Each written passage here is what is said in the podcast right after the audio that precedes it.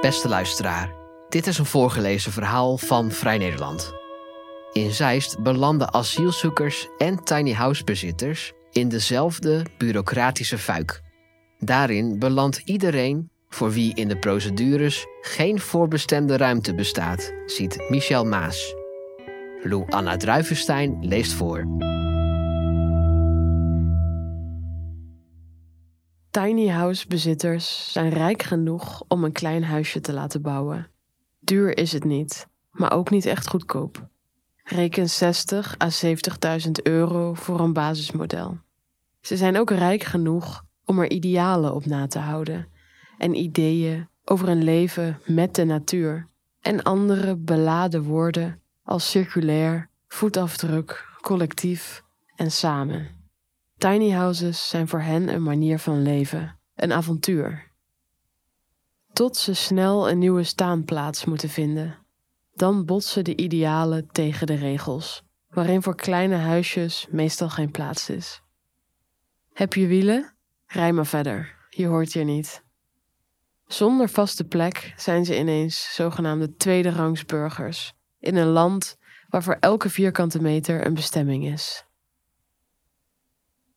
Op het vroegere kamp van Zeist is neergezet wat de gemeente Zeist kwijt moet. Verscholen in het bos, achter een hoog, goed onderhouden hek, ligt een detentiecentrum. Vlakbij een bedrijventerrein, naast de snelweg die als een slotgracht voor de huizen ligt. Verderop, naast verbrokkelde gebouwen vol graffiti, ligt een noodopvang voor 200 asielzoekers. Een kampje van harde witte tenten, een dikke stofzuigerslang voor verwarmde lucht en een gemeenschapsruimte waar smiddags niemand is. Daar weer achter wordt de laatste hand gelegd aan een dreigend grijs woonblok van drie verdiepingen. Het nieuwe semi-permanente AZC voor 400 vluchtelingen die zich daar vooral niet welkom mogen voelen. Op deze plek stond Kleinhuizen, een jolige naam voor een dorpje van 15 tiny houses met aarzelend groen ertussen.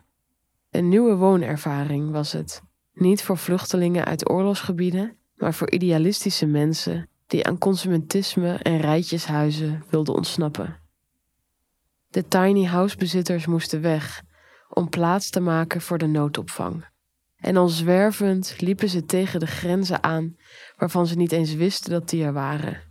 Wat hen en de asielzoekers verbond, was niet het stukje grond van drie hectare, maar de hulpeloosheid tegenover de bureaucratie. Mensen vonden het hartstikke leuk. Je zult niet geloven hoe vaak mensen zeiden: Goh, zo zou ik ook wel willen wonen. De 42-jarige Lieselotte Nachtegaal wordt bij vlagen nog steeds enthousiast over haar kleine huis. Meestal kiest ze haar woorden echter zorgvuldig. En als ze dat doet, voel je de teleurstelling, de stress en de boosheid waarin de droom van kleinhuizen voor de bewoners uit elkaar is gespat. Eerst was er die lange fietstocht geweest, in 2018, met man Rick en de twee kinderen, vertelt Lieselot. Vier maanden trokken we rond met onze rugzak, een tent en heel weinig spullen. En toen we terugkwamen, bleken we alle spullen in het huis helemaal niet gemist te hebben. Integendeel, we stapten naar binnen en dachten meteen: Jeetje, wat een groot huis, al die ruimte. Dat zette ons aan het denken.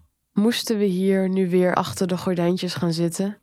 Dat wilden we niet, maar wat dan wel? Ze woonden een lezing bij van Marjolein Jonker, boegbeeld van de tiny house beweging. Een beweging met eigen websites, bouwbedrijfjes en een eigen slogan: minder huis en meer leven. En zo gebeurde het. Lieselotte vertelt: We verkochten ons huis in Leusden en lieten ons tiny house bouwen. 10 meter lang, 3 meter breed en 4 meter hoog. En helemaal van hout. 30 vierkante meter. Lieselotte zegt: Het is groot genoeg. Je bent toch nooit zoveel in je huis. Je bent er alleen om te koken, te slapen en je spullen op te slaan. Je bent weg naar je werk, in het weekend ga je op pad en bij lekker weer zit je in de tuin. Om te slapen zijn er twee vierdes met matrassen, onder het dak, net als tentjes. Het voelde heel natuurlijk, al dus Lieselotte.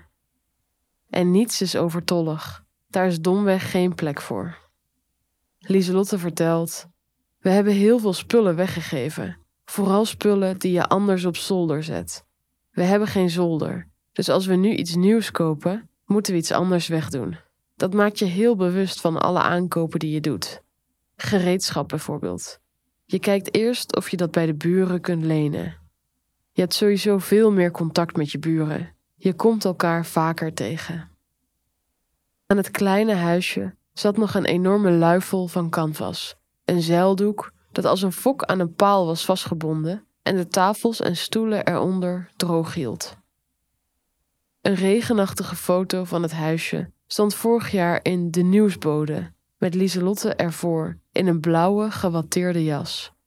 De foto is genomen vlak nadat ze had gehoord dat Kleinhuizen werd ontruimd. En Lieselotte slaagt er nauwelijks in een glimlach te forceren. Ik was toen best wel boos, zegt ze. Het was geen verrassing, maar toch. Lieselotte vervolgt. De plek was maar voor anderhalf jaar. Dat wisten we. We ambieerden helemaal geen tijdelijke plaats. We wilden iets blijvends. Maar iets anders was niet te vinden. Je kiest daar niet voor. Je moet, want het kan niet anders. Maar toen het een paar keer werd verlengd, waren we gaan denken: misschien kunnen we toch langer blijven. Tot we in december 2021 in de krant lazen dat er een tijdelijk AZC zou komen. Hé, hey, daar wonen wij. Ze moesten weg. De stress die daarbij loskwam, had hen eigenlijk vanaf dag één al vergezeld, realiseert Lieselotte zich achteraf. Ze zegt: De stress is er eigenlijk permanent. Vanaf het moment dat je ergens staat, ben je non-stop bezig een andere plek te vinden. Dat zit altijd in je achterhoofd. Je moet altijd bezig blijven voor een plek.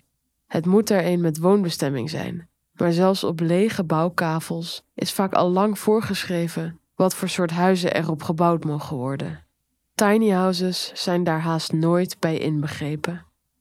Lieselotte vervolgt: In Nederland is elke meter bestemd. Er is gebrek aan plekken waar je huizen kunt bouwen. Er is geen speelruimte. Alles ligt vast. De onduidelijkheid en het voortdurende geschuif met de einddatum, uitstel, weer uitstel, dan toch weer niet, maakte de stress alleen maar groter. Lieselotte zegt: We hadden een plan A, een plan B en dan C, D en E. En allemaal vielen ze plat. Voor de gemeente Zeist golden ze als passanten, zegt Lieselotte. En als passanten moesten ze het zelf maar uitzoeken. Zeist probeerde nog wel wat, maar was ze uiteindelijk niets verplicht. Lieselotte vertelt: Er was absoluut geen besef wat voor impact het verliezen van je adres heeft. Je raakt je huisarts kwijt, de school van je kinderen, je zorgverzekering, kinderopvang. Zelfs een briefadres bleek problematisch. Lieselotte zegt: We moesten ons verantwoorden bij de Sociale Verzekeringsbank, uitleggen waarom we alleen maar een briefadres hadden. Lange lijsten moesten we invullen over hoe lang we al in Nederland woonden en werkten. Dat soort dingen. Je kunt je aanmelden voor een sociale huurwoning, was een advies dat we kregen. We werden zelfs naar het leger des hels verwezen. Ze werden kortom behandeld als nieuwkomers die niet alleen nieuw waren in Zeist, maar nieuw in Nederland. Vluchtelingen.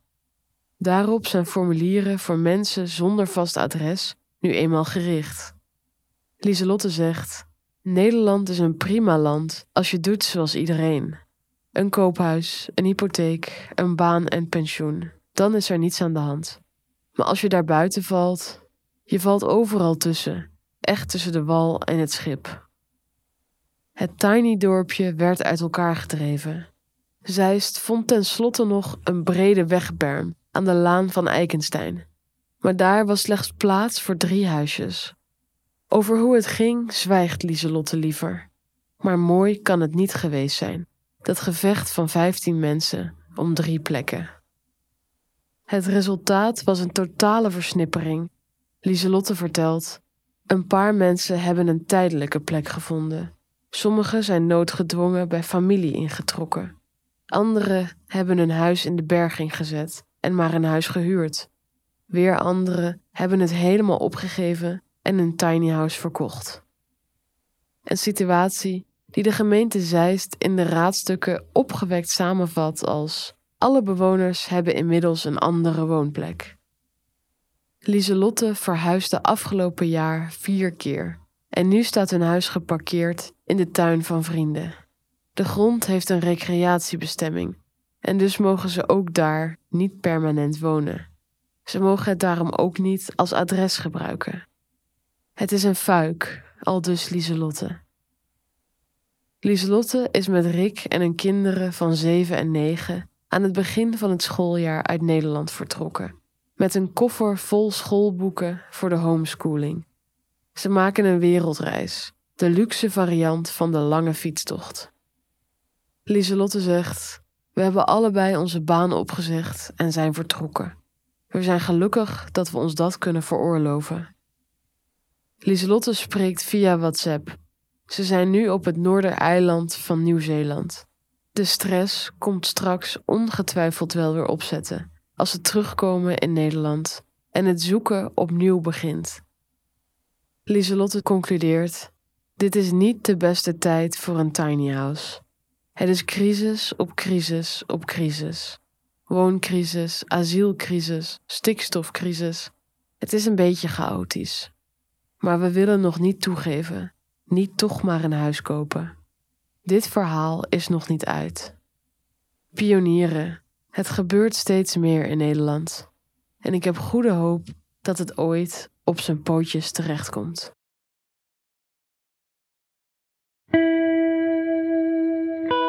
Wil je meer verhalen van ons lezen of beluisteren?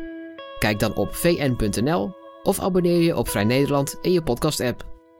Voor onze trouwe luisteraars hebben wij ook een speciale actie. Een half jaar Vrij Nederland online voor maar 15 euro. Kijk voor de aanbieding en de voorwaarden op vn.nl/podcast.